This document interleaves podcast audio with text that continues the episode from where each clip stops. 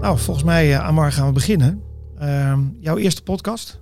Ja, zeker. Iets spannend? Zeker spannend, ja. ja? ja. Um, nou, collega Amar Baghdadi.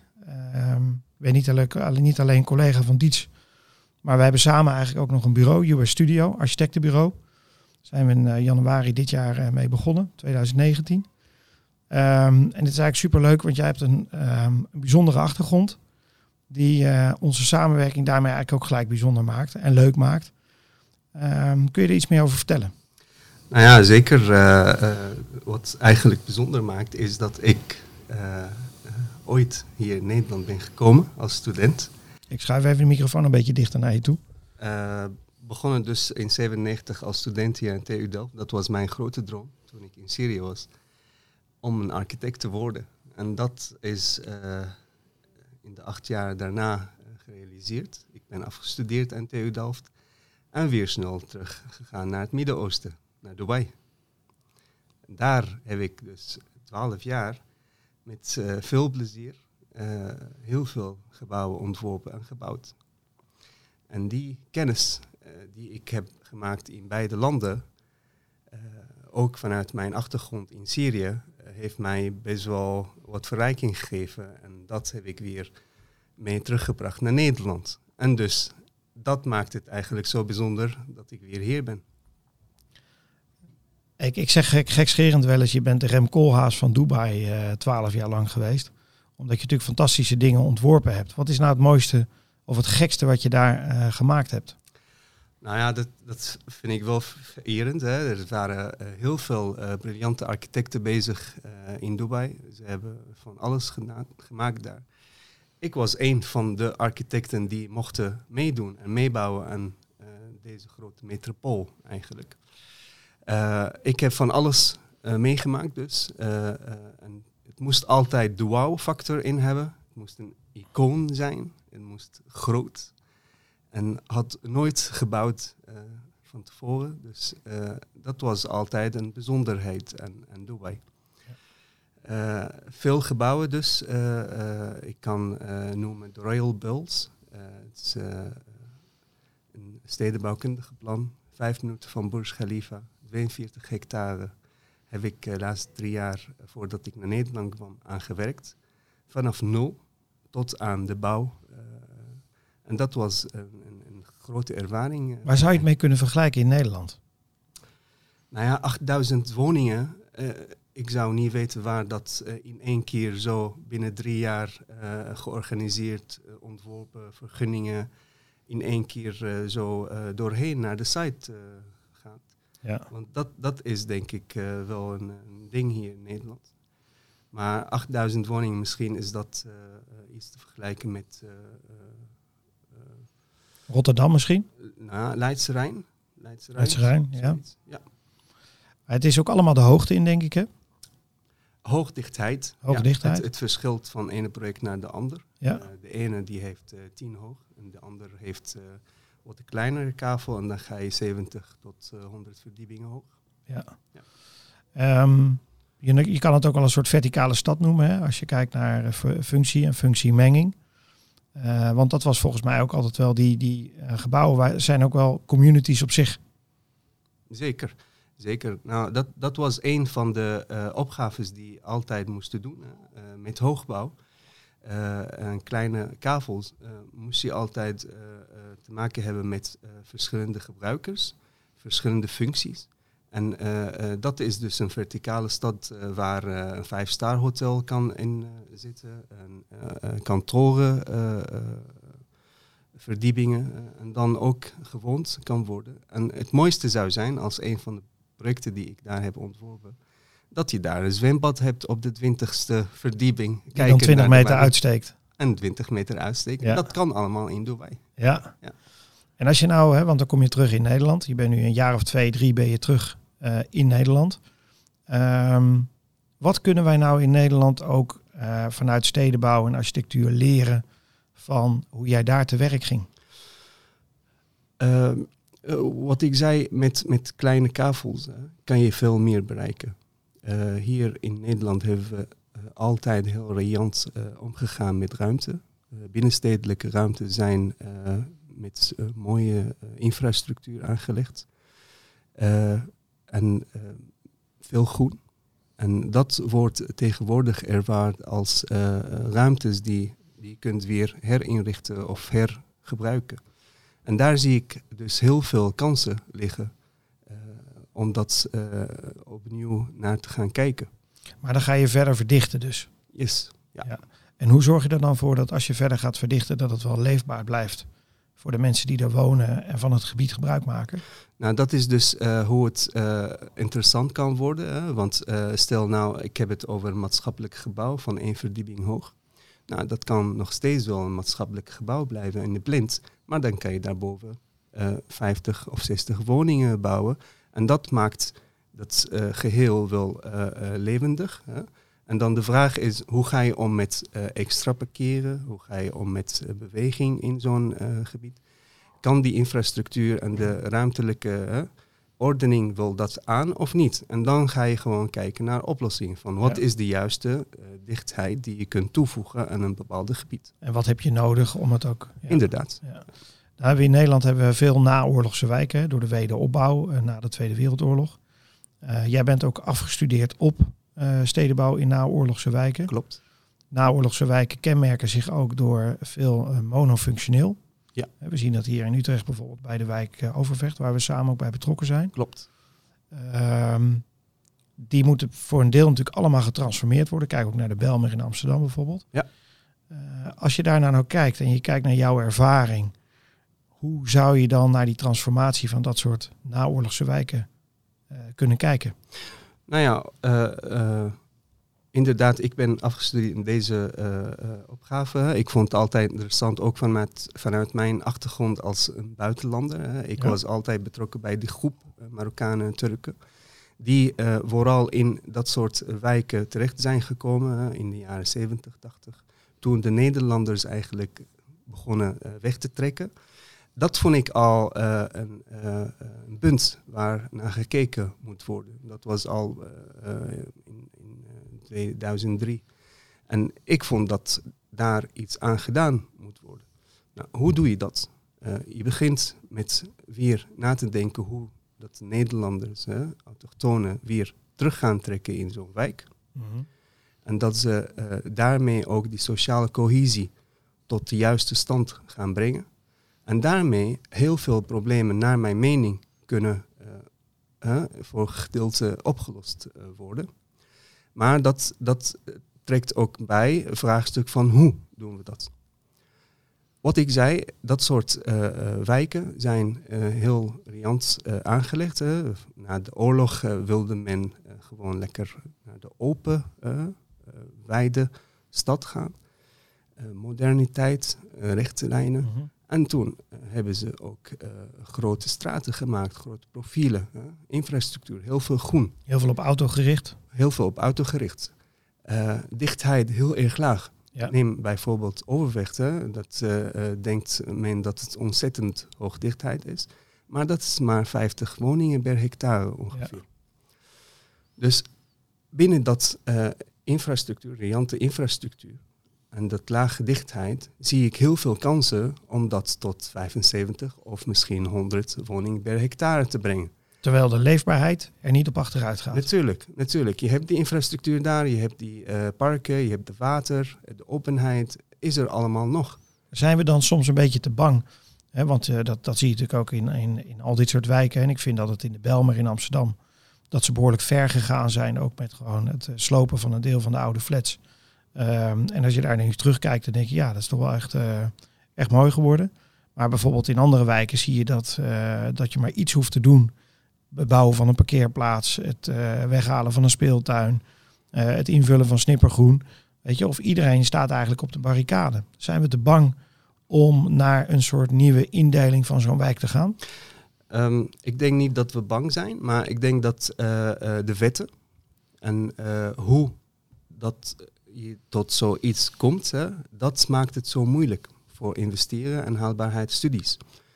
Uh, studies worden, of uh, in de praktijk worden allerlei kanten op. Hè. Uh, oude flats ingevuld met nieuwe programma's, nieuwe samenstelling van bewoners. Maar ik kan ook naar sloop nieuw opgaves gaan. Dus allebei kanten kunnen wel haalbaarheid zijn. Maar het proces daar naartoe is eigenlijk heel erg moeilijk. Wie heeft de lange adem om dat te kunnen doen? Wie trekt aan zo'n proces? Wie wil er zoiets doen? En of, gekeken naar uh, die economische cycle van zeven jaar of acht jaar. Men is bang eigenlijk om lange processen in te gaan. Ja. Dus dat is denk ik de grootste uh, opgave die wij uh, komende drie jaar moeten omtakelen. En nu, wat ik nog een ander interessant punt vind, is als je kijkt naar dit soort naoorlogse wijken, dan, dan zie je vaak dat dat gekopieerde bouwblokken zijn, als het ware. Hè. Dus het is ook anoniem, eenheidsworst. Geldt natuurlijk niet overal, maar even gewoon in zijn algemeenheid. Um, wat zou er nou gebeuren als je daar ineens ook wat meer gedurfde, iconische architectuur op loslaat? Inderdaad, dat is de pirend en uh, naoorlogse wijken. Je hebt de stempel. De stempel is bedoeld om gewoon heel veel, heel snel economisch te gaan bouwen. En dat prefab vaak, hè? Prefab, ja. En dat, dat heeft zijn effecten nou 50 jaar later of 60 jaar later op dat soort uh, wijken. Dan, uh, dat, je voelt al het armoede aan de gevel, dat monotoniteit, dat men niet graag daar uh, wil wonen of zijn. En daarom is dat imago van dat soort plekken in, in het land of in de stad niet zo aantrekkelijk is om mhm. mensen daar te laten komen terugwonen. En dus het is wel goed om na te denken van uh, hoe kan jij uh, een herinrichting, een branding, uh, placemaking daar gaan creëren, dat je dat soort stukken stad weer tot leven kan brengen. Inderdaad, door bijvoorbeeld een iconisch object neer te zetten dat op de Lonely Planet misschien mm over gesproken van kom maar hier, kijken wat er allemaal gaande is in zo'n stukje stad. Kijk, de uitdaging is natuurlijk ook een beetje, hadden we het net ook even over, hè, van wie durft het commitment aan te gaan voor een aantal jaar. Wie gaat er ook echt voor? Hè? Dat merk je ook bij dat soort wijken, maar overal wel een beetje. Het punt is natuurlijk ook dat wij ook graag willen dat onze kinderen straks ook een huis hebben. en dat we alleen al in de regio Utrecht volgens mij 150.000 woningen extra nodig hebben. volgens mij Zuid-Holland, Noord-Holland 200.000. Ehm, dus we moeten met elkaar eigenlijk meer woningen bouwen maar dat gaat natuurlijk ook ergens ten koste van zittende bewoners. Hoe moet je zo'n dilemma nou oplossen? Nou, ik denk dat we uh, ten eerste met elkaar moeten nadenken. Als ik nu alvast een eigen woning heb in de stad, dan moet ik dat ook een ander gunnen. Ja. Om daarin te kunnen wonen. Neem bijvoorbeeld Meerverde, kanaalzone. Ja. Daar komen uh, groot aantal woningen. Zo 6000? 6000 durf ik bijna niet te zeggen, zo midden in de stad. En dat denk ik wel dat uh, omwonenden wel daarvan gaan schikken van wie komt er daar nou allemaal wonen in mijn achtertuin. Dat snap ik wel. Maar tegelijkertijd, als ik uh, zelf daar woon, uh, dan gun ik ook andere mensen ook naast mij te wonen. Dezelfde ervaringen te hebben met de stad. En met, met de plannen die daar liggen, van ontzettend groene manier van bouwen, dat blauwe zonnegedachten in te brengen in de stad ik denk dat dat echt een, een, leuke ervaring gaat worden in de stad en een goede voorbeeld gaat worden voor andere plekken in andere steden. Dus het is schikken, maar het is aan de andere kant durven en uh, gunning geven. En, nieuwe dingen zijn altijd moeilijk te accepteren, maar ik denk dat we het wel samen moeten doen. En als je nou zou moeten kiezen, hè, want er wordt veel gesproken over de rode contouren, dat zijn eigenlijk de grenzen rondom een, eh, een, eh, een, een eh, dorp of een stad. waarna het ommeland eigenlijk begint, hè, ehm, het groene gebied. Als je nou zou moeten kiezen tussen verder verdichten in de rode contouren of weer gaan bouwen in het weiland, wat, wat zou jouw advies dan zijn? Nou, ik ben stedelijk ingericht voor mezelf. En ik denk, ik geloof in steden. Ik geloof dat steden veel meer aankunnen. En dat wij de groen wel heel veel kunnen sparen nog. En ik denk dat van 1 miljoen uh, woningen opgave wel 30 tot 40 procent binnenstedelijk gebouwd kunnen worden. Als wij uh, slim omgaan met die uh, ruimte die wij al hebben ingericht in infrastructuur en stedelijke context. Maar nu alleen als een stad Utrecht gaat groeien volgens mij naar 455.000 inwoners in 2040. Hoe hou je zo'n stad in beweging? Hoe zorg je dat die stad niet volledig dichtslipt? Dat, dat is de grootste probleem. Je hebt altijd traffic impact studies die gedaan moeten worden om te kijken van hoe ga ik met auto's om? Hoe houd ik de auto zo mogelijk van het centrum en van uh, centrumgebieden? Hoe gebruik ik de fiets zoveel mogelijk? Om zo'n zo'n stad niet helemaal uh, dicht te laten maken. En dat kan met slimme oplossingen gaan, met ondertunneling van knooppunten in de stad. Dat je daar gaat investeren, zodat je met traffic impact studies over de hele stad een, een, een, een, mooie oplossing kan bieden voor 2030 bijvoorbeeld of 2050. En daar moeten we eigenlijk nog veel groter in gaan denken. Natuurlijk, natuurlijk. Je moet als een stad gaan denken wat betreft uh, uh, traffic impact studies. Dat, dat wordt bijvoorbeeld in Dubai gedaan. Je hebt één model mm -hmm. waar een soort iedere project ingeplucht wordt. dat je nieuw bouwt. het levert aantal verkeermomenten.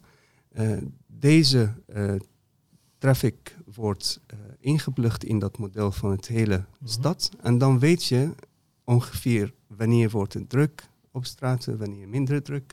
En kan je dat verkeer ook reguleren. Ja.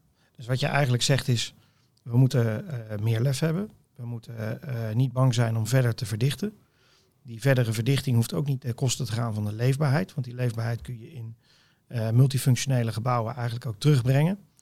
Um, en je moet eigenlijk naar een soort verkeerssysteem toe, waar je wat groter gaat denken en waarbij je nieuwe ontwikkelingen en verdere verdichting eigenlijk uh, in kunt pluggen. Ja. Um, als we nu kijken naar uh, ook de wat kleinere schaal, hè, dan zie je dat, um, nou, je bent bijvoorbeeld op dit moment ook bezig met met een massastudie ergens in, eh, in, de, in, in de stad.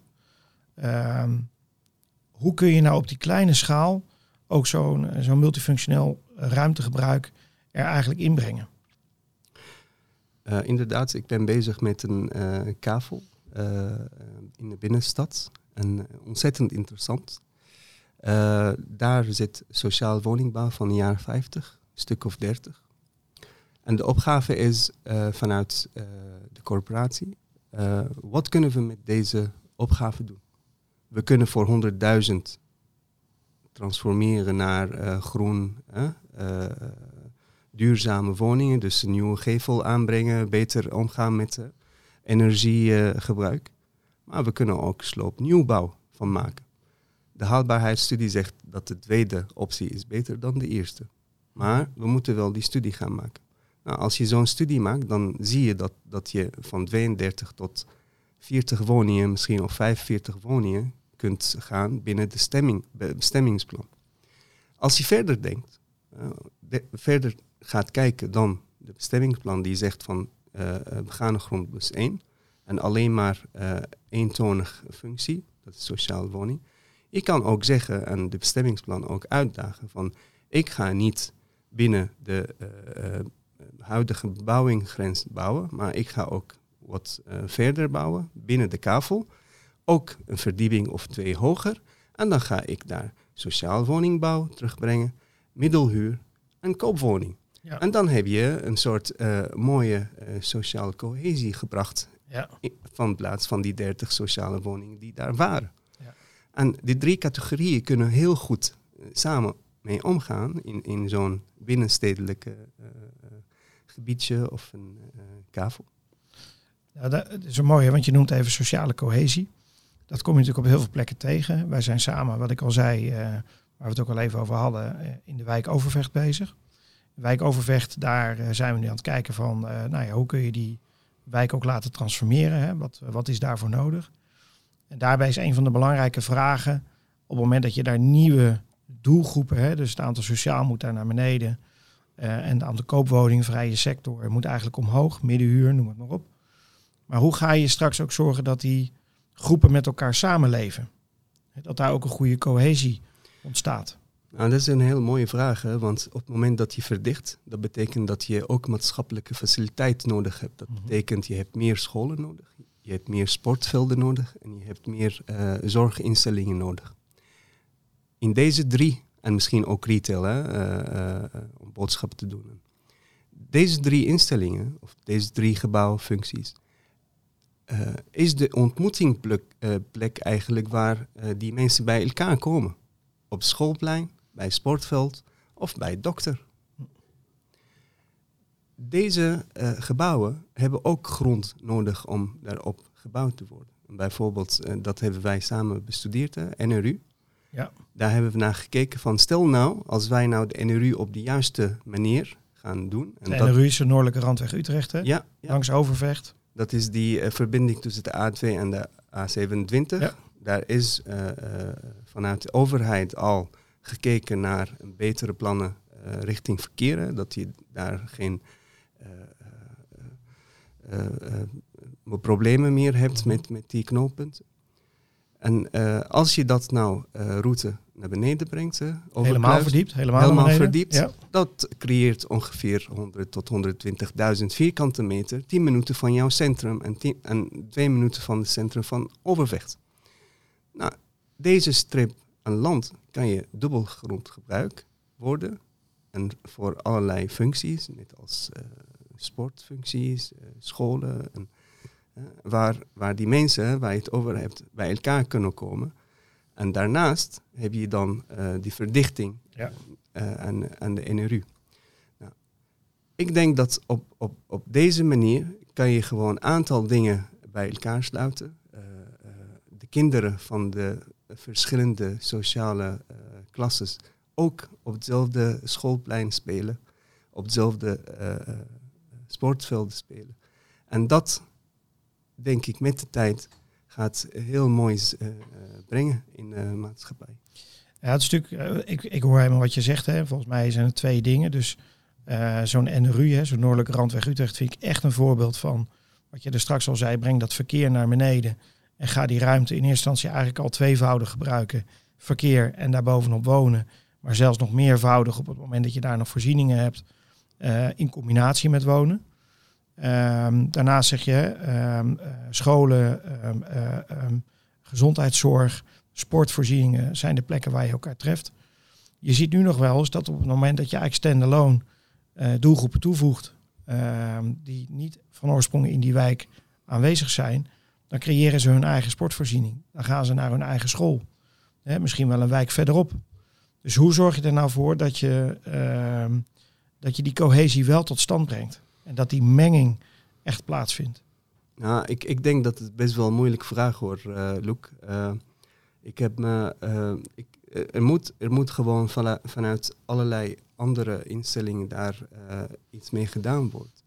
Maar ik denk dat, dat de eerste vertrekpunt is om elkaar tegen te komen. Mm En niet hier wonen en dan mijn kind ergens anders naar school laten gaan je moet, je moet die, dat durven dus om elkaar te ontmoeten ergens.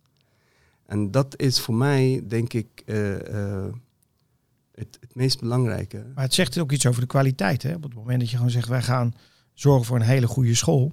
Of we gaan zorgen voor een hele goede sportvoorziening. Dan nodigt dat natuurlijk ook uit. En het, volgens mij is het ook wel nodig, maar ik ben benieuwd, hoe jij dat uh, misschien tenslotte ook naar kijkt. Dat je uh, ook moet voorkomen dat je uh, standalone doelgroepen toevoegt in een wijk. Maar dat je eigenlijk veel meer gaat kijken, zoals je er straks even zei in dat voorbeeld van die 30, 40 woningen binnenstedelijk. Dat je daar eigenlijk de menging in gaat zoeken.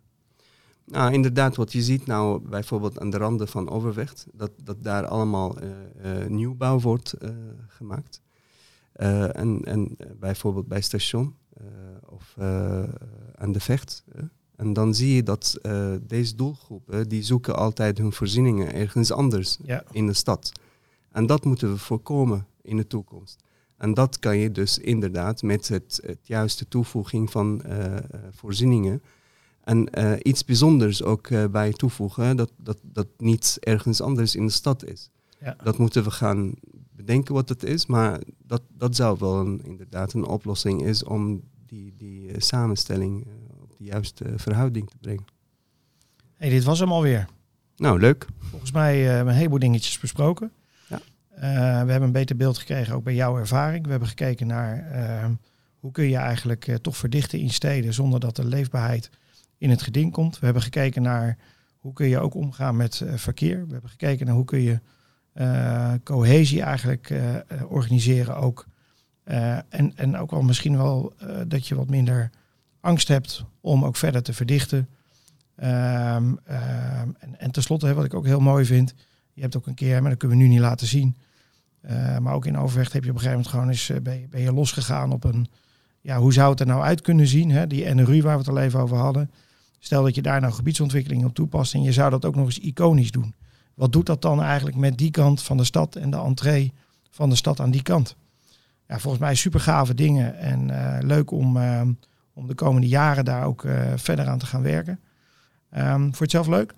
Zeker, zeker. Ik, ik, ik, ik vind uh, sinds het begin van dit jaar werken met jou en met Urban Space Studio, met de stad eigenlijk, zo leuk. En ik krijg zoveel energie van, want ik zie overal kansen. Ja. Ik zie echt overal dingen die anders kunnen en die waarde kunnen toevoegen aan de stad. En zeker komende, komende jaren ga ik daar aan de slag. Leuk, dankjewel. Dankjewel.